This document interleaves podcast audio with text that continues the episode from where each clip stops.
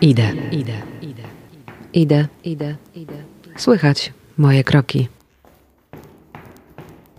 Mhm, słychać kroki, a ja jeszcze słyszę oddech i tempo, w jakim bije moje serce.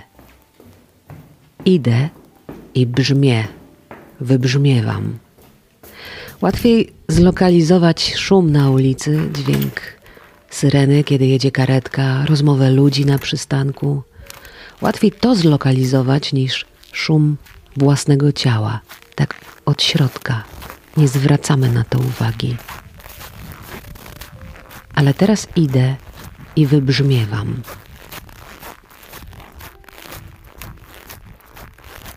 I naprawdę idealnie jest wtedy, kiedy idę, wybrzmiewam, świat współbrzmi ze mną.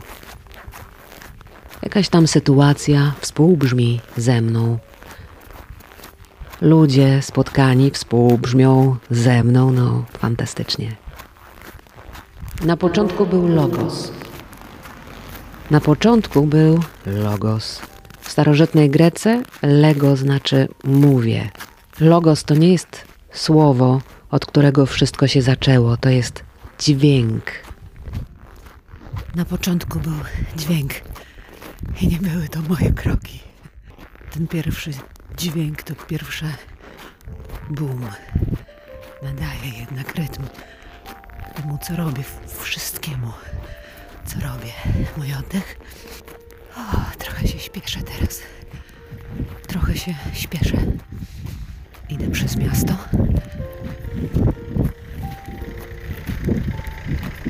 Zima dźwięki, ale jak słychać, nie wszystkie.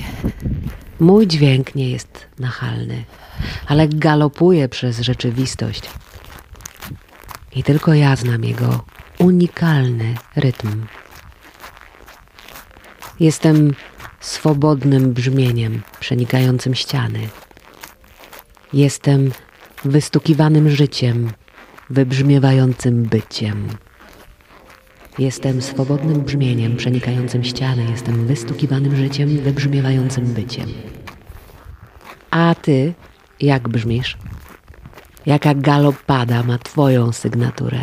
Jak dźwięczysz? I dokąd prowadzi cię twoja osobista linia melodyczna?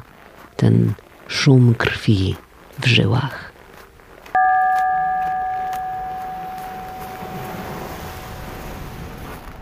Inspiracja.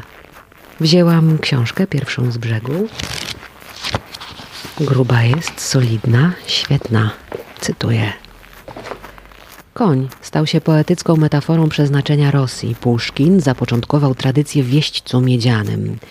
Dokąd ty koniu gnasz bez pęd i gdzie opuścisz swe kopyta? To jest to pytanie na dziś. Strona 426. Orlando Figes. Taniec Nataszy z dziejów kultury rosyjskiej. Wydawnictwo Magnum.